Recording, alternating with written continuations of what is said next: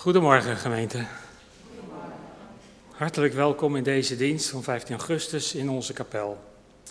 Een speciaal welkom de gasten in ons midden. Ik weet niet of er gasten zijn, nee, we horen allemaal bij elkaar. Maar in ieder geval ook de mensen thuis die uh, met uh, ons uh, meeluisteren via de CD en later met de podcast.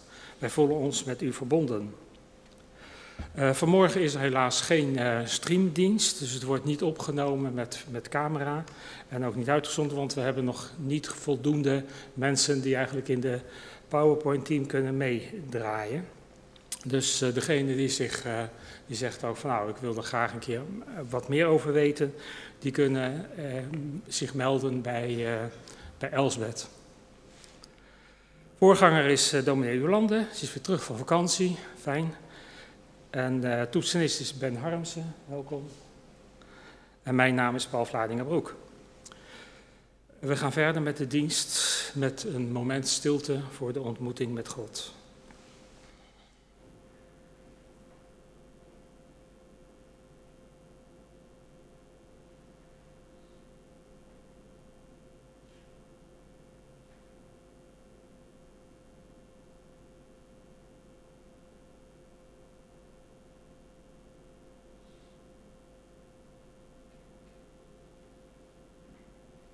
Wij zingen staande lied 216. Dit is een morgen als ooit de eerste.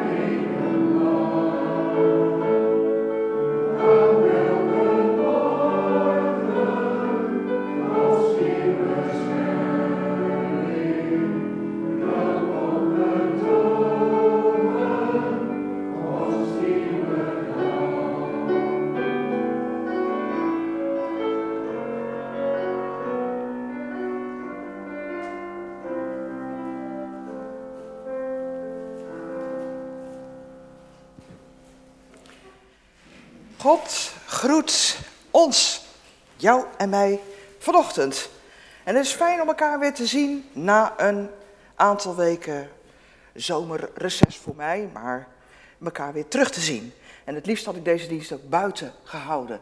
Want dan worden we nog meer bepaald bij de zorg die onze schepper ons geeft door regen en zon. Dag in, dag uit. Onze schepper die we mogen kennen als onze vader in Jezus Christus, zijn Zoon, door wie wij vrede en verzoening hebben gekregen. En waarin we verbonden zijn door Gods Heilige Geest. Amen. We gaan een uh, Oh, we gaan bidden, zie ik eerst staan. Ik dacht dat we al een lied erbij gingen zingen, maar we gaan eerst bidden en dan het lied zingen. Vele duizenden ontheemden. En dat lied, dat heb ik toch ook wat gekozen omdat we eh, gaan bidden voor deze wereld. En we weten van de situatie in Afghanistan, hè, waar op het moment weer heel veel mensen op de vlucht zijn, omdat de Taliban op één stad na eigenlijk het land al in handen heeft. Het is een vreselijke situatie daar.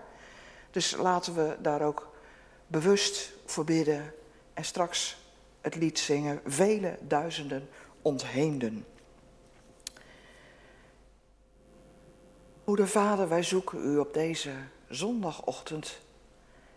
We danken u wel dat we samen mogen komen, dat wij elkaar weer mogen opzoeken, dat we het kunnen, dat we de gezondheid hebben, dat de zon schijnt en wij zo mobiel zijn en allemaal in de gelegenheid om hier te zijn.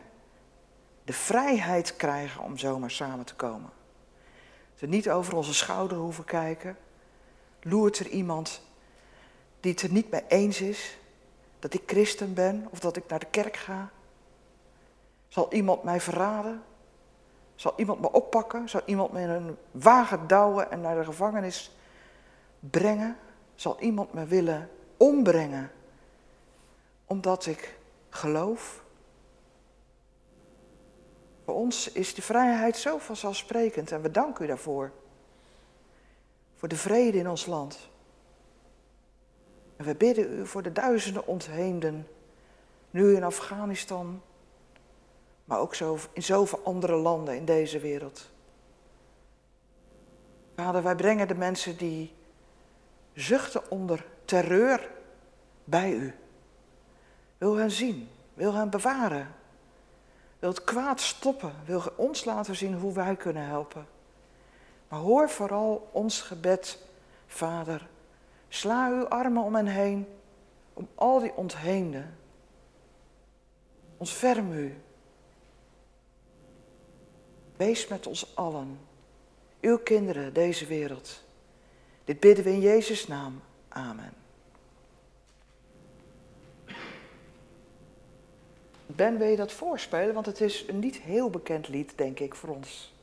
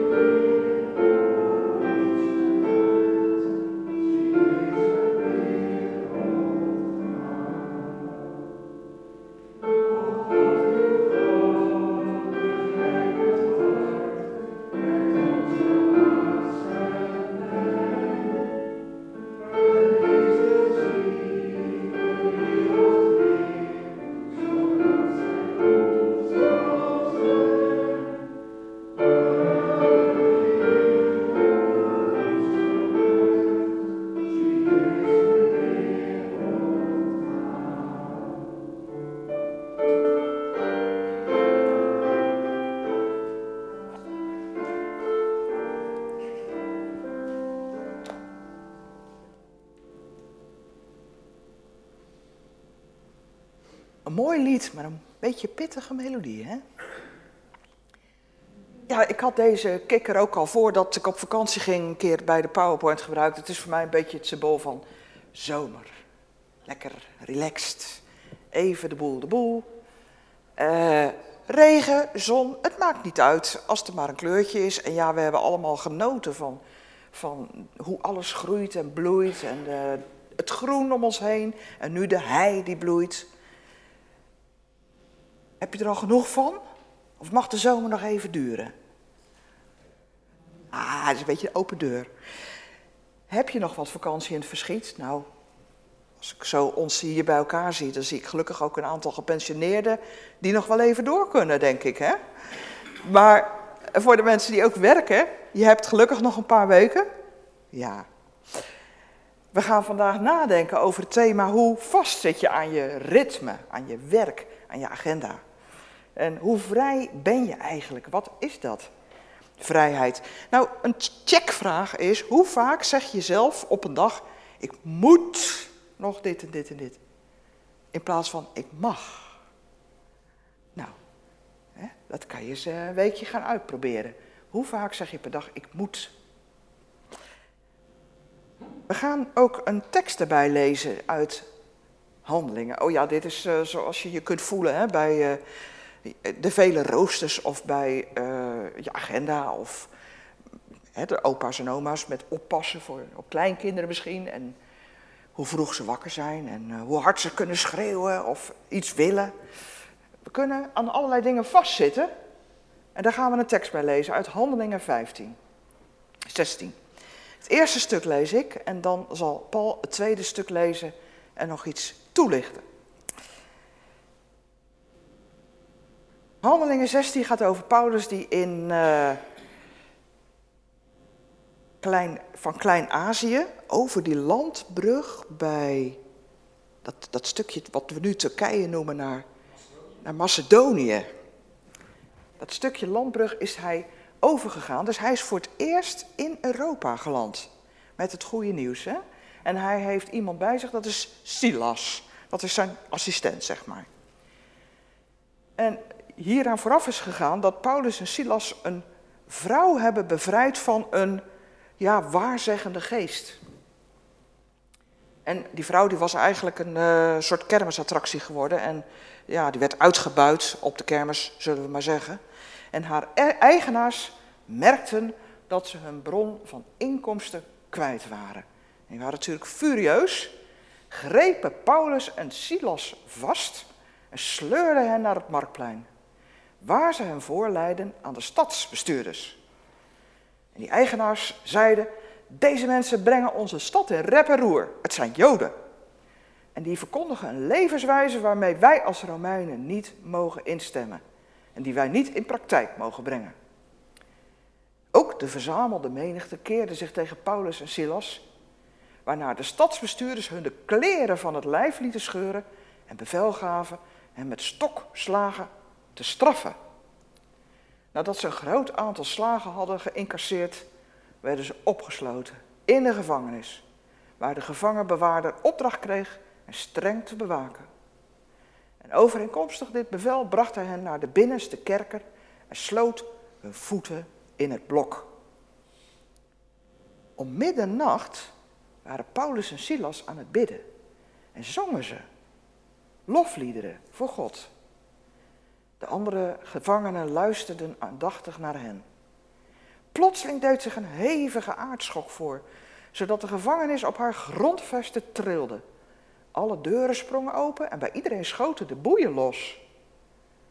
De gevangenbewaarder schrok wakker en toen hij zag dat de deuren van de gevangenis open stonden, trok hij zijn zwaard om zelfmoord te plegen, want hij dacht dat de gevangenen ontsnapt waren. Paulus riep hem luidkeels toe: doe, jezelf niets aan, wij zijn allemaal nog hier. De bewaarder vroeg om een fakkel, rende naar binnen en viel, bevend, voor Paulus en Silas op de grond. Hij bracht hen naar buiten en vroeg: Zeg me, heren, wat moet ik doen om gered te worden? Cliffhanger. Hier gaat Paul verder lezen.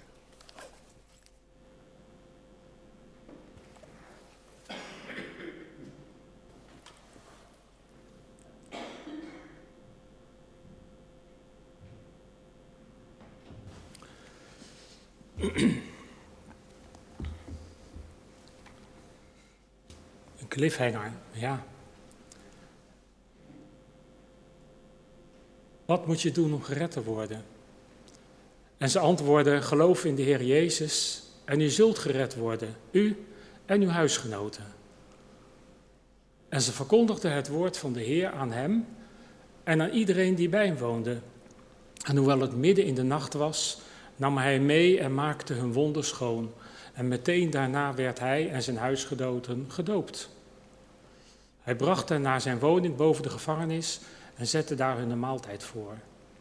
Hij en al zijn huisgenoten waren buitengewoon verheugd dat hij nu in God geloofde. En bij het aanbreken van de dag zouden de stadsbestuurders enkele gerechtsdienaars naar de gevangenis met de opdracht om Paulus en Silas vrij te laten. De gevangenbewaarder stelde Paulus daarvan op de hoogte. Het stadsbestuur heeft mensen gestuurd om u vrij te laten. U mag dus vertrekken en ga in vrede. Maar Paulus zei tegen de rechts, gerechtsdienaars: Ze hebben ons zonder vorm van proces in het openbaar stokslagen laten geven. En hoewel we Romeins staatsburger zijn. En daarna hebben ze ons in de gevangenis opgesloten. En nu willen ze ons heimelijk laten gaan? No way. Oh, zo geen sprake van. Laat ze zelf maar komen om ons vrij te laten. De gerechtsdienaars brachten deze woorden over aan de stadsbestuurders, wie de schrik om het hart sloeg toen ze hoorden dat Paulus en Silas Romeinse burgers waren. Dus gingen ze zelf naar de gevangenis, spraken op vriendelijke toon tegen hen en lieten hen vrij met het verzoek uit de stad te vertrekken. Paulus en Silas verlieten de gevangenis en gingen naar het huis van Lydia, waar ze de gelovigen aantroffen. Na hen bemoedigend te hebben toegesproken, vertrokken ze. Filippi. Ja, Filippi, is net uh, Jolande die zei het al, van, uh, die ligt in Macedonië. Dat is helemaal aan de oostkant van uh, Griekenland. En 400 jaar voor Christus was het al een belangrijke stad. En het lag eigenlijk tussen Byzantium en, en Athene in. En het was een hele belangrijke handelsroute. En dit, uh, Filippi was ook een handelsstad. Dus er waren uh, veel mensen, veel handelaars en veel, daardoor is ook Lydia is vanuit Byzantium is naar uh, Filippi gekomen. En die waren dus in, de, in de havenstad Neapolis, dit ligt nou, 15 kilometer vandaan. Daar was nou, de handel. Filippi ligt eigenlijk aan een rivier. Hij is nu iets na 2000 jaar een beetje verlegd. Maar het is een heel waterrijk gebied. En uh, eh, 400 jaar voor Christus was uh, Philip, de vader van Alexander de Grote, die kwam daar en die heeft de stad veroverd. En die heeft gezegd van, ik noem het voortaan Filippi. En uh, dat heet het nog steeds. Het is nu een ruïne, dus dit, zo zag het er ancient uit, zo ziet het er nu uit. En er is toen een aardbeving heeft plaatsgevonden, maar er zijn vele aardbevingen daar. Nou, je ziet wat een aardbeving van 7, 7,5 in Haiti kan doen. Nou, dat is ook, uiteindelijk is deze stad ook verwoest en zijn ze naar Kavala, 20 kilometer richting kust, hebben ze daar een nieuwe stad opgebouwd. En daar is ook, uh, nou ja, er zijn, het christendom is daar eigenlijk Europa binnengekomen. Uh, dit is de, de gang eigenlijk naar de arena, misschien de volgende. Dit is de arena, die hebben de Romeinen aangelegd, een paar honderd jaar uh, voor Christus. Die hebben het van de Byzantium overgenomen. En uh, Alexander de Grote, die, nou ja, die is al 32-jarige leeftijd, is die al overleden, verongelukt. En dit is het, het dorpsplein waar we net over lazen. precies op dit plein, zijn Paulus en Silas hebben hier de stokslagen gekregen. die zijn opgepakt. Nou, dit is een heel uh, gebied waarin dus veel, uh, veel mensen waren. Uh, de gevangenis, dat is de volgende. de gevangenis is in deze muur. vorig jaar september ben ik daar geweest en nou, ik vond het wel, mooi om een keer in Filippi te zijn.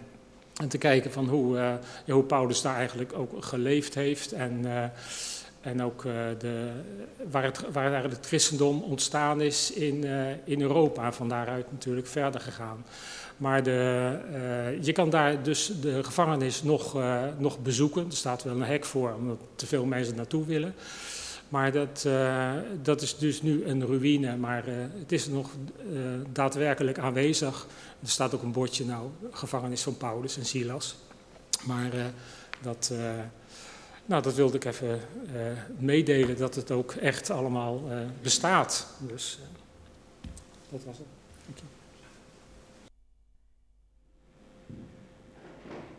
We zingen het lied Zomaar een dak. En dat is op een eh, bekende oud-Hollandse melodie, die u vast wel herkent. Ah, even één keer voorspelen.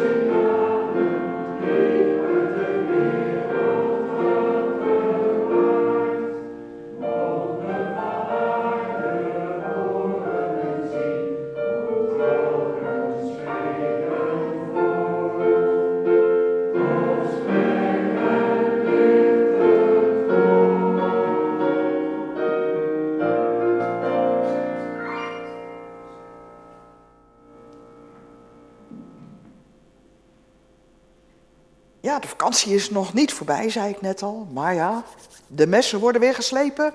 De schoolroosters zijn alweer in de maak. De werkroosters, de roosters voor vrijwilligerswerk in de kapel, de Robbox. Hoe vrij zijn wij nou eigenlijk? zitten we niet alweer stiekem vast? Ik zie Hans alweer naar zijn hoofd grijpen bijna van al die lessen die weer gegeven moeten worden en die werkstukken die nagekeken. Oh, al die regels en afspraken. Maar vandaag gaan we eens kijken, een beetje over Pauls hoofd, hè, Paulus hoofd, in die gevangenis. Want daar zat een man echt vast aan zijn werk. Die cipier, die was eigenlijk veroordeeld tot zijn werk. Dat was waarschijnlijk een soort straf dat hij dat werk moest doen. Hij had dus nooit een dag vrij. Hij werd echt geleefd door zijn werk. Vakantie, dat was er niet bij. En die gevangenis, die was onder zijn huis, in de kelder. Hoezo geleefd worden door je werk? We hebben het afgelopen jaar nogal eens uh, geklaagd. Hè? We zitten vast aan onze schermen, we moeten thuis werken. Thuis en privé lopen door elkaar. Het lijkt net of je werk alles beheerst. En de uren die je voor zo'n scherm maakt zijn veel meer dan uh, normaal in je werk. Want je moet er ook aan wennen. Je moet nieuwe technieken je eigen maken. Dus dat heeft ons afgelopen jaar heel erg in de band gehouden, afgelopen anderhalf jaar in coronatijd. En van dat scherm kon je niet weglopen. Lang leven de zegen van de digitalisering, zullen we maar zeggen. In de stad Filippi waren Paulus en Silas aanbeland. Zij kwamen vanuit, Paul noemde het al Byzantium, dus ze waren door Klein-Azië, wat we nu Turkije noemen, naar het noorden gereisd. Ik moet voor jullie even zo doen, voor de kijkers rechts. Over de landbrug naar Europa. Byzantium, dat is de naam die het in het Griekse Rijk had. Die stad die heette uh, nu Istanbul. Ja, het is een stad die vaak van uh, naam veranderd is. Constantinopel heeft hij ook nog geheten. En dan weet je een beetje waar we het over hebben. Dus waar Turkije, Turkije staat. En dan ongeveer op die landbrug, dan zie je Byzantium staan, maar daaronder Istanbul. Dat is dus dezelfde stad. Daar overheen zijn Paulus en Silas Europa binnengegaan. En Filippi was de eerste Europese stad, een handelsstad, waar ze kwamen. Heel strategisch natuurlijk. En Paul zei wel, het was een, een handelsroute van Byzantium naar Athene, maar ook naar Rome. En dat zie je vaak als je het boek Handelingen bestudeert, dat Paulus heel strategisch te werk ging bij het brengen van het evangelie. En dat gebied, wat we dan nu Turkije noemen, dat was toen Macedonië. En Paul kan je daar straks onder de koffie nog veel meer over vertellen, die is echt specialist nu van dat gebied. Maar daar zijn dus ook onlangs nog veel oorlogen uitgevochten, de Balkanoorlogen. En toen was het ook een gebied wat steeds wisselde van eigenaar. Dan waren weer hè, wat we de, de Perzen noemden, en later de Turken de baas, en dan weer de Grieken. Dus dat wisselde nog alles van eigenaar. En daar is in dat gebied Alexander geboren. Alexander de Grote, door wie dat hele gebied, het hele Middellandse zeegebied, Grieks is gaan spreken. Doordat hij dat hele gebied, het toenmalige wereldrijk, het Hellenistisch Rijk veroverde, tot in Egypte en India toe. Daardoor ging iedereen Grieks spreken. Daarom sprak ook Paulus Grieks en de andere apostelen een beetje. Daarom is ook dat Nieuwe Testament in het Grieks vertaald in de wereldtaal van toen. De stad Filippi, Paul zei het al, is genoemd naar de vader van Alexander, Philippos. En tot op deze dag wordt er eigenlijk dus tussen, tussen Griekenland en Macedonië geknokt. Van wie is nou, ja, Alexander de Grote? Want dat is zo'n bekendheid geworden door zijn veroveringen. Is Alexander nu de Griek, waar de Grieken trots op mogen zijn, of is het de Macedoniër? daar wordt nu op dit moment over geknokt. In de Bijbel lezen we altijd wat meer dan in de gewone geschiedenisboeken. Want wij weten uit het boek Handelingen hoe Paulus hier is terechtgekomen. Ik zei al, hij was een soort strategisch denken, dat is ook zo. Maar hij heeft ook een droom gehad. En in die droom hoorde Paulus en zag een man die hem riep. En die man die riep, kom over en help ons. Bekende woorden, kom over en help ons. En die man die riep vanuit Europa naar Paulus als Aziat. Paulus en Silas zijn dus op weg gegaan. En de eerste persoon die ze daar tegenkwamen in dat gebied was dus een vrouw die handel dreef, Lydia. Rijke vrouw, ze had het goed gedaan in de handel. Zelfstandige dame hoor. Spreuk 31 zeg maar. En uh, zij was rijk en bood Paulus en Silas gastvrijheid en door hun woorden werd zij christen. Daar kwam de eerste christen, de eerste christelijke kerk bij haar thuis samen vanaf dat moment. En even later ontmoetten ze nog een vrouw op die markt, waar Paul al even zei van dat is het marktplein, het dorpsplein van Filippi. Een vrouw met een waarzeggende geest. Dat was voor haarzelf helemaal niet leuk, dat was een hele belasting. Dat zij altijd alles kon voorzien wat er ging gebeuren. En dan werd ze er ook nog eens om uitgebuit en op de kermis gezet. Misbruikt. Paulus en Silas verklaren haar vrij in Jezus' naam. Als ze Jezus aanneemt, dan zal ze bevrijd zijn. En vanaf dat moment valt zij, is, is zij bevrijd van die waarzeggende vermogens. Helderziendheid zouden we nu zeggen. En is zij een gewone vrouw. Ja, zonder inkomsten. Maar ik denk dat zij bij die rijke Lydia wel een plekje thuis kreeg. Misschien heeft ze er ook wel een baantje gekregen. En mocht zij een nieuw start maken in haar leven. Maar ja, die handelaren, die eigenaars vonden dat dus geen leuke ontwikkeling. Want ze werden beroofd van hun inkomsten. En door hun worden Paulus en Silas eigenlijk flink afgeranseld en in de bak gegooid. Ze zijn dus nu twee vrouwen tegengekomen. De rijke Lydia en die arme vrouw zonder naam met de waarzeggende geest. Maar waar is nou die man uit de droom? Die hebben ze nog steeds niet ontmoet. Wie heeft hen nou geroepen? En is de kerk eigenlijk wel iets voor mannen? Want uh, ja, in de vroege christelijke kerk waren het vooral vrouwen die toetraden. En nu is de kerk hier in het Westen wat op zijn retour. En in heel veel kerken, is gelukkig duiven niet zo. Maar in heel veel kerken zie je langzamerhand dat er nog een paar wat oudere vrouwen zitten. Die af en toe eens een kleinkind meenemen, maar dat is het dan ook. En in Zeeland maakte ik het mee dat het heel moeilijk was om ook mannen voor functies, voor ja, ambten te vinden. Dus het was daar een vrouwenkerk aan het worden. Serieus. Maar in de tussentijd, tussen die vroege middeleeuwen en de 20e eeuw, is eigenlijk de kerk vooral een mannenzaak geweest. De man in het ambt, nog steeds in de katholieke kerk, alleen het ambt voor mannen. Dat even om de zaak in perspectief te zetten. Waar is die man die Paulus riep? In Paulus' brieven lezen we bijvoorbeeld: In Christus is nog man of vrouw. Het maakt niet uit of je man of vrouw bent. In het Jodendom was dat ook anders. Een Fariseeën bad: God, dank u dat ik geen heiden ben, geen vrouw. Oei, oei. Paulus en Silas zijn dus in de boeien geklonken, in het blok gezet, hè, dus handen en voeten in van die houten blokken. En die zaten met ketenen in de muur vast. Zo, kom daar maar eens uit. Ze waren afgeranseld met uh, roeden. En in het, oud, in het Latijn zijn dat, het woord voor roede, dat is vaskees. Vaskees, dat woord kennen we terug uit fascisme. De bossen hout waar mensen mee worden afgeranseld.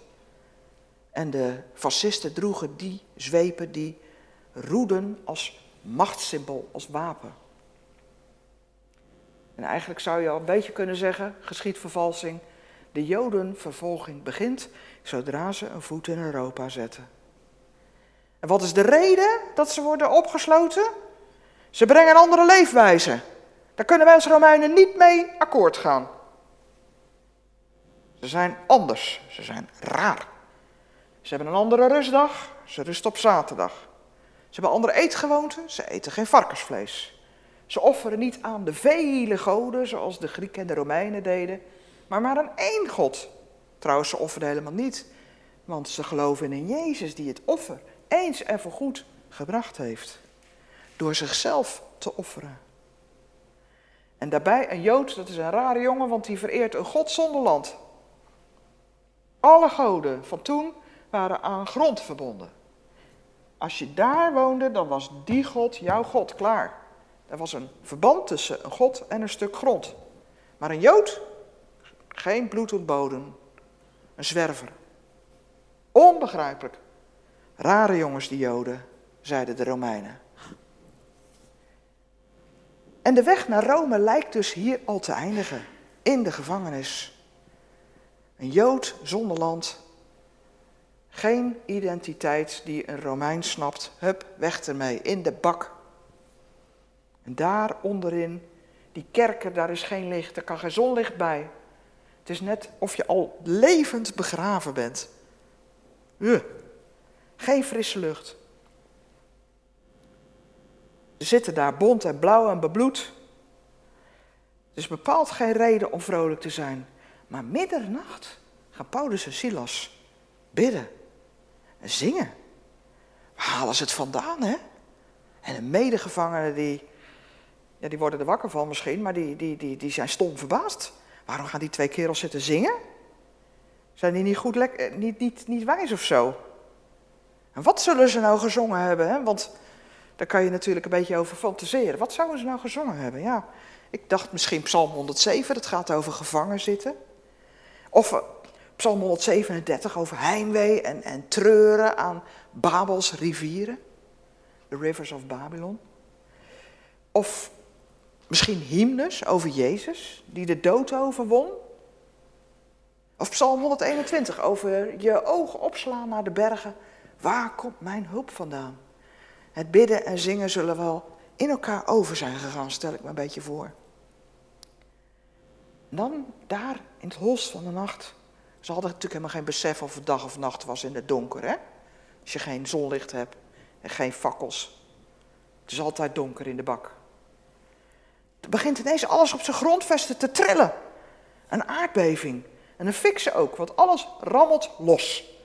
De blokken waar ze in vastzitten, die komen van de muur, de kettingen. Hun voeten komen vrij. Hun armen, hun handen, ze zouden zo kunnen opstaan en weglopen. De gevangenbewaarder wordt natuurlijk wakker van die aardbeving. Die komt uit zijn bed hollen, vraagt om een fakkel en gaat naar beneden. Dus zonder fakkel zag hij daar ook niks in dat hol. En hij denkt, oh, ze zijn helemaal los. Ze zijn natuurlijk er vandoor. Ik word misschien wel, of ze, ze overmeesteren me. Wat zal er gebeuren? En als, als ze er vandoor gaan, dan is mijn laatste uurtje geteld. Want dan wordt mijn leven geëist, omdat ik mijn gevangenen niet met mijn leven heb bewaakt. En hij trekt zijn zwaard, want hij denkt, ik kan er weten zelf een eind aan maken. Paulus roept hem toe, niet doen, stop, we zijn allemaal nog hier. de man rent van die trap af en valt voor Paulus neer, op zijn knieën. En de gevangenbewaarder denkt, ja, die man moet wel iets heel bijzonders zijn. Dat al die gevangenen naar hem luisteren en dat ze niet weggerend zijn en dat ze überhaupt nog leven daar onder de grond in zo'n aardbeving. We hebben het net van Haiti gehoord, meer dan 300 doden. En daar zitten ze allemaal onder de grond en ze leven allemaal nog. Hij moet, misschien is het zelf wel een god, misschien is het een, een Mercurius, een gezant van de goden. Daar geloofden de Romeinen in. En hij ligt daar op zijn knieën en hij vraagt Paulus: Zeg me wat ik moet doen om gered te worden. Want hij erkent daarmee dat Paulus en Silas meer zijn dan die mannen daar boven de grond waar hij zo bang voor is. Die stadsbestuurders. Die hem tot zo'n onvrij leven veroordeeld hebben. Hij kan natuurlijk de trap nog op en af. Hij kan lopen en die gevangenen zitten wel in het blok. Maar in feite zit hij net zo vast aan zijn werk als zij in het blok. Dus vrijheid is voor hem maar een schijnverhaal. En hij komt tot de werkelijke, de echte, de beste vraag die hij kan stellen. Wat moet ik doen om echt vrij te zijn? Paulus zegt, geloof in de Heer Jezus. Vertrouw niet meer op die mannen die zeggen dat ze de macht hebben. Vertrouw niet op de keizer. Noem de keizer niet meer Heer, Curios. Noem alleen Jezus Heer. En dan ben je gered. Dan ben je vrij.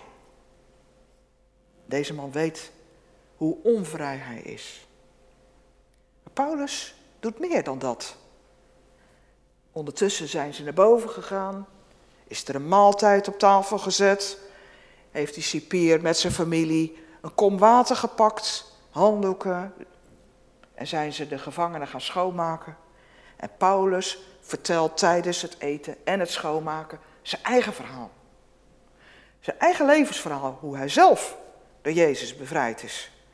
Want hij was helemaal opgevreten van binnen, van haat en van wraakgevoelens. Hij was geobsedeerd door de volgelingen van Jezus en hij wist maar één ding, ik ben een fariseer en ik moet en zal die Christusvolgers, die, die, die broeders en zusters van mij die Jezus volgen, achtervolgen en in de bak gooien.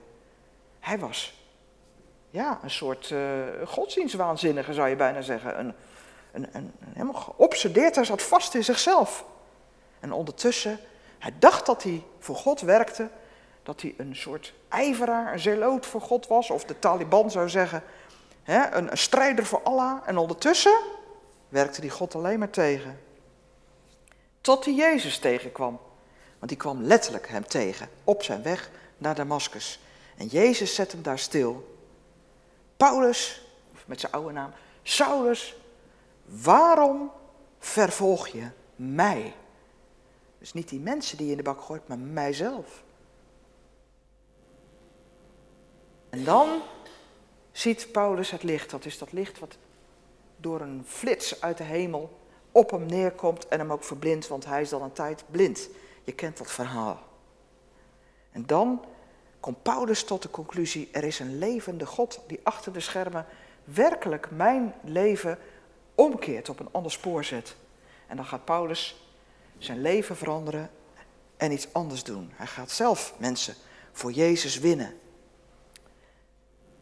Hij begrijpt dat Jezus leeft en Jezus zelf tegen hem gesproken heeft. En terwijl de cipier Paulus en Silas wonden schoonmaakt, luistert hij naar dat levensverhaal van Paulus en begrijpt hij, ja, dit is, dit is de vrijheid waar ik naar snak. En hij en zijn familie vragen maar één ding, kunnen wij dan gedoopt worden? Paulus zal daar ook wel over verteld hebben. En in diezelfde nacht, hè, want het zal in de kleine uurtjes geweest zijn, terwijl Paulus en Silas zijn schoongemaakt, dopen zij de cipier en zijn familie. En dan is het tijd om eens eerst goed te gaan slapen, want dat is er nog steeds niet van gekomen. En dan is het alweer vroeg ochtend en op de deur wordt gebonkt.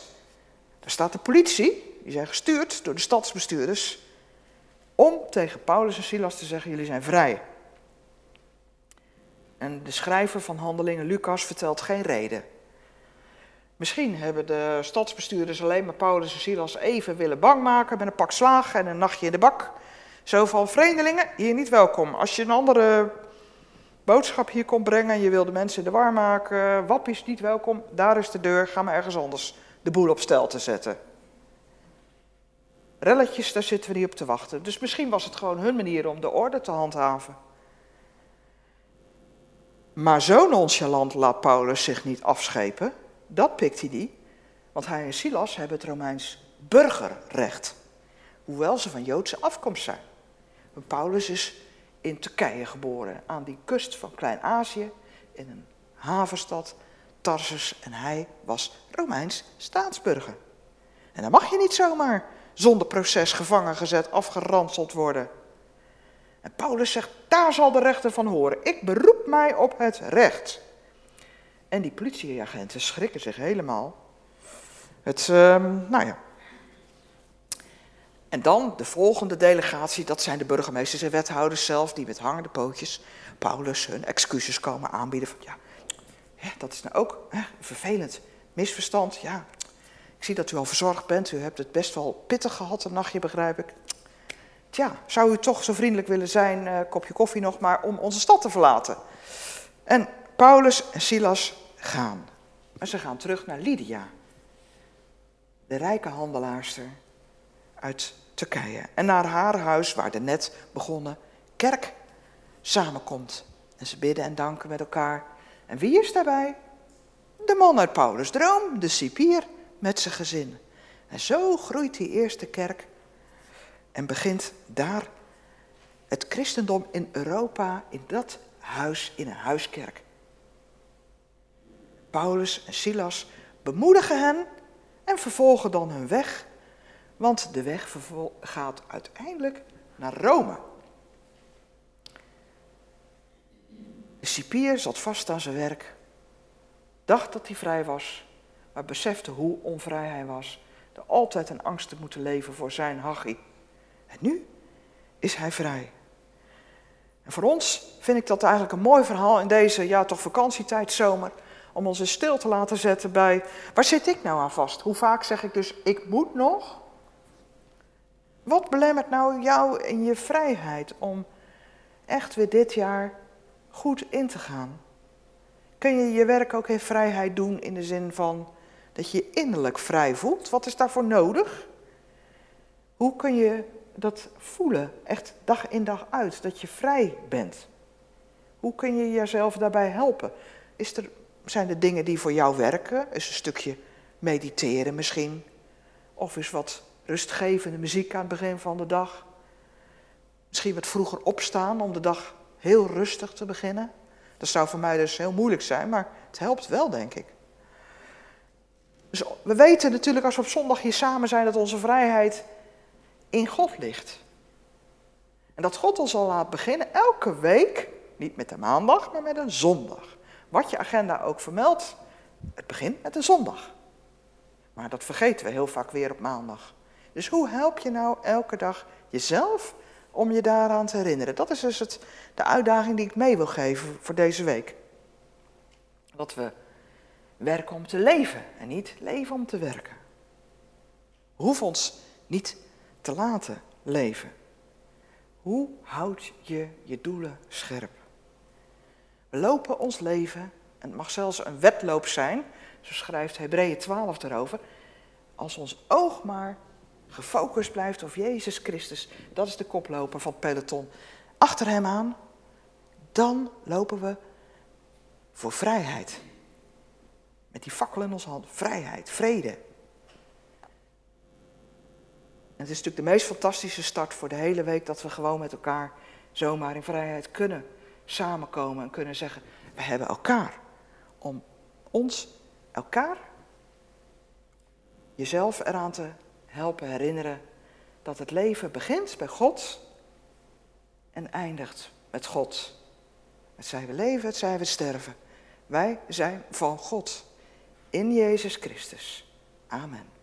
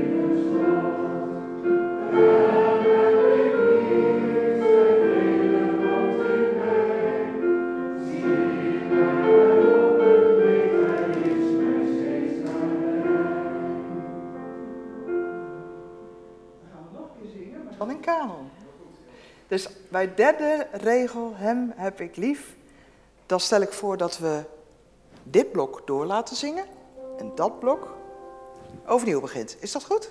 We gaan het proberen.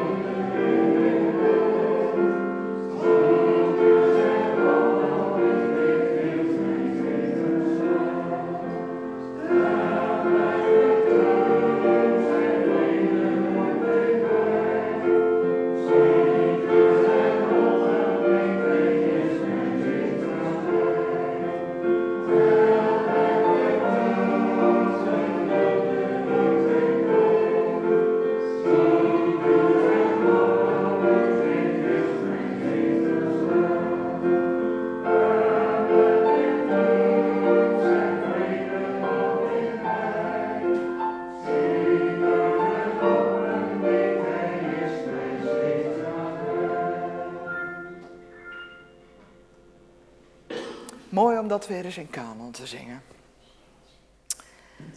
Wij uh, krijgen de mededelingen van de diaconie en Paul gaat uh, het voorbedenboek zoeken, maar er staat niks in.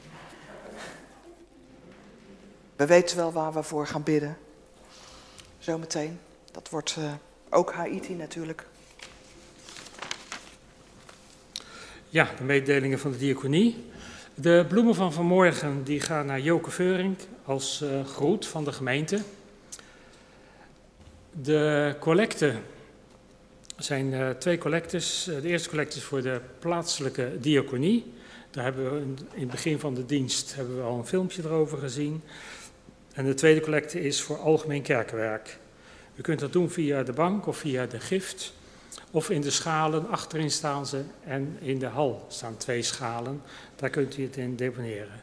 Geef met uw hart.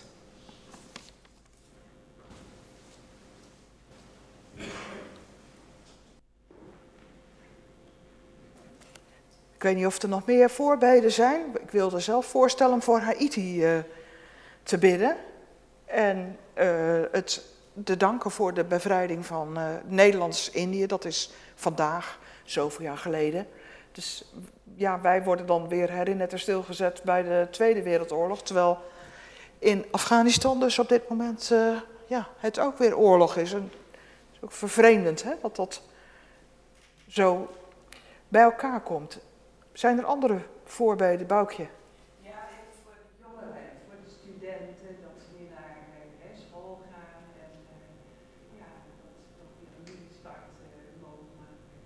Dat het uh, in deze periode, waarin de ontgroeningen weer beginnen en de kennismakingsweken, dat het maar gewoon op gang mag komen in de lessen. Straks, de colleges. Goed, daar zullen we ook voor bidden. Nog meer voorbeelden?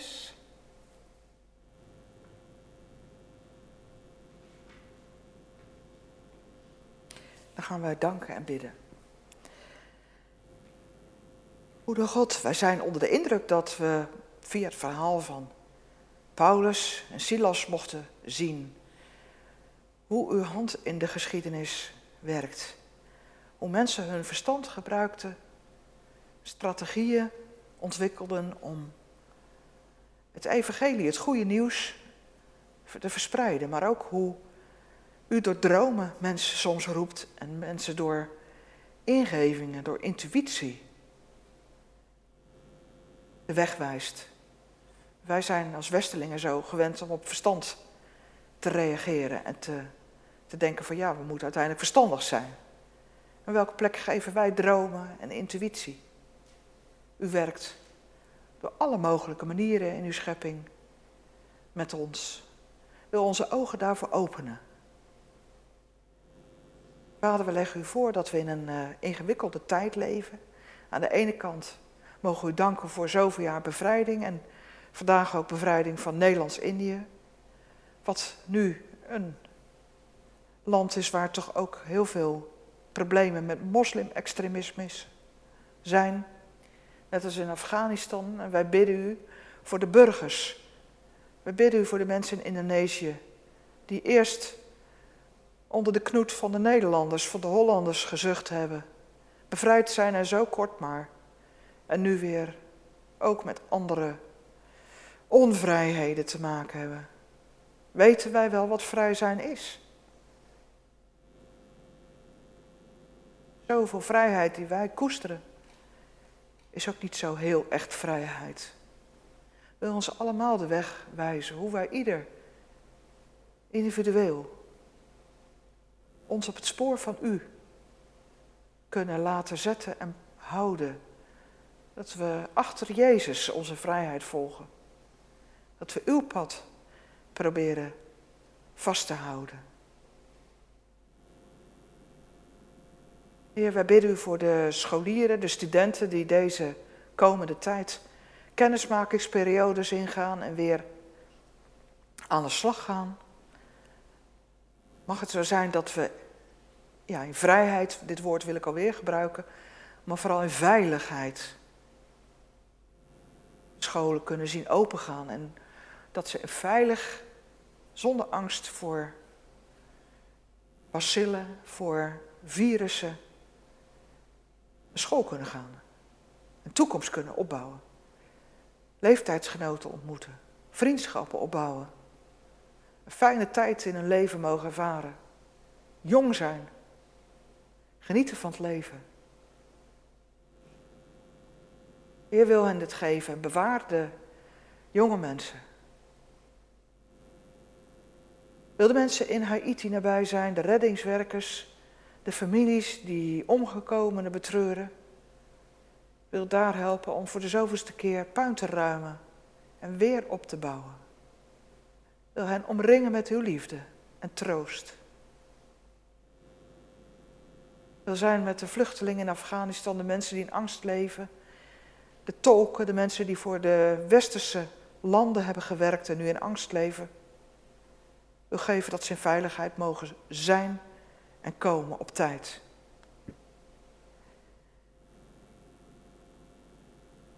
Zo leggen wij onze gebeden voor u neer. We leggen elkaar u voor. Alles wat we van elkaar wel en niet weten, we brengen het in stilte voor u.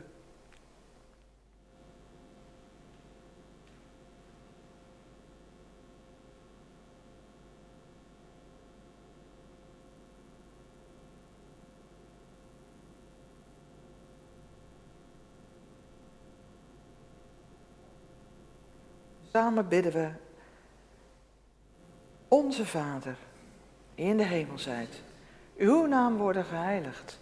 Uw koninkrijk komen. Uw wil geschieden op aarde zoals in de hemel. Geef ons heden ons dagelijks brood. En vergeef ons onze schulden, zoals ook wij onze schuldenaars vergeven. En leid ons niet in verzoeking, maar verlos ons van de boze. Want van u is het koninkrijk en de kracht en de heerlijkheid in eeuwigheid. Amen. We zingen als laatste lied Zegen ons al goede. Dat is wel uh, uh, lang geleden dat we deze gezongen hebben. Het zijn drie coupletjes. Nou, die kennen we nog wel. Zullen we gaan staan voor zover mogelijk?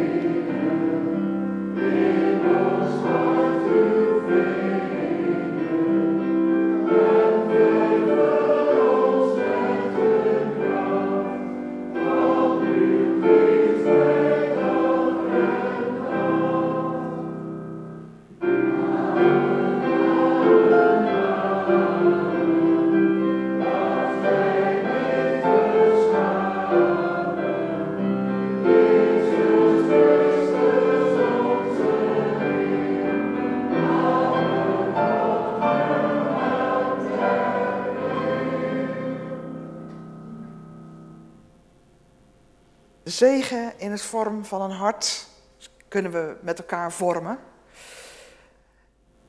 Neem mee voor deze week de genade van onze Heer Jezus Christus, de liefde van God en de gemeenschap van de Heilige Geest met u en jou allemaal. Amen. Fijne zondag in de zon.